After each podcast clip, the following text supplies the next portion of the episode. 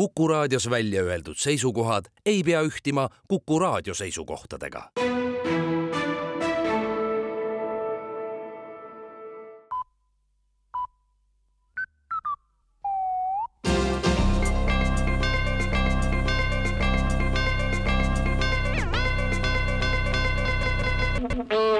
on uudiste eetri aeg ja stuudios Rohke Debelak.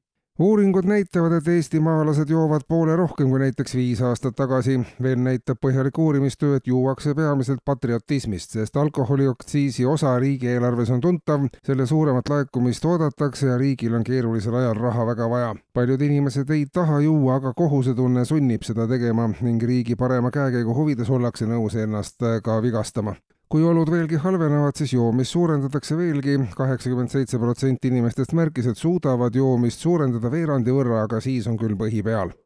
ja veel samal teemal. Helgavere vallamajas kuulutati eile välja kõige aktiivsem maksumaksja ja sel korral sai tiitli endale Valter Kennel, kes oli aasta jooksul kasvatanud oma maksukulusid neljakümne üheksa protsendi võrra Valteri riigieelarvesse tasutud alkoholiaktsiis tõusis aastaga kakskümmend seitse protsenti, tubakaaktsiis kakskümmend üks.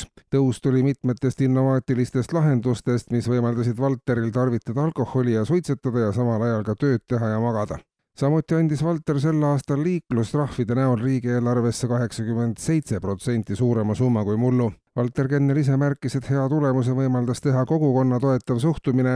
Helgavere vallarahvas avaldas omalt poolt tunnustust tehtud tulemuse eest ja nentis, et Valteri õlul püsib kohalik lasteaed ja algkool ja pool vallavalitsuse palgafondist. mitmel korral on Valter oma senisest elustiilist soovinud loobuda ja teha natuke pilatest, minna üle taimetoidule, võib-olla ka midagi õppida ennast täiendada, kuid kohusetunne ei ole seda siiani lasknud teha riigikogu ja valitsus kogunesid eile ühisele nõupidamisele, vaadati üle ka uuringu tulemused, kus selgelt kirjas, et suurem osa inimesi ei usalda valitsust ja ei usalda ka Riigikogu pikem olukorra analüüs kestis hiliste õhtutundideni ja lõpetuseks nenditi, et olukord on murelikuks tegev. kui inimesed valitsust ja Riigikogu ei usalda, aga ometi on ise saadikud Riigikokku valinud, siis kas saab usaldada selliseid valijaid, kes langetavad otsuseid, mida nad ise hiljem ei usalda? käes on olukord, kus Riigikogul pole enam võimalik rahvast usaldada ja sellises üldises usaldamatus õhkkonnas ongi raske tööd teha tõenäoliselt peab Riigikogu lähinädalatel rahva suhtes umbusaldusavaldusega esinema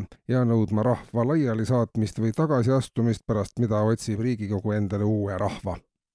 Ja Sotsiaalministeeriumi värske uuring annab teada, et levinud seisukohal, nagu oleks Eesti meestele kättesaamatu arenenud Euroopa riikide meeste keskmine eluviga, ei ole tõepõhja all uuringu kohaselt saavutavad Eesti mehed kõrge eluea lihtsalt oluliselt varem kui ülejäänud Euroopa mehed ja üheksakümne kaheksale protsendile Eesti meestest on jõukohane olla oma tervislikult seisukorralt nagu kaheksakümne seitsme aastane mees, saavutades samasuguse taseme juba kolmekümne viie aastaselt.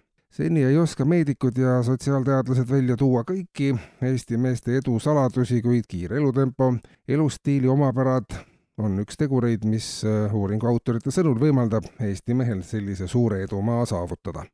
kuulsite uudiseid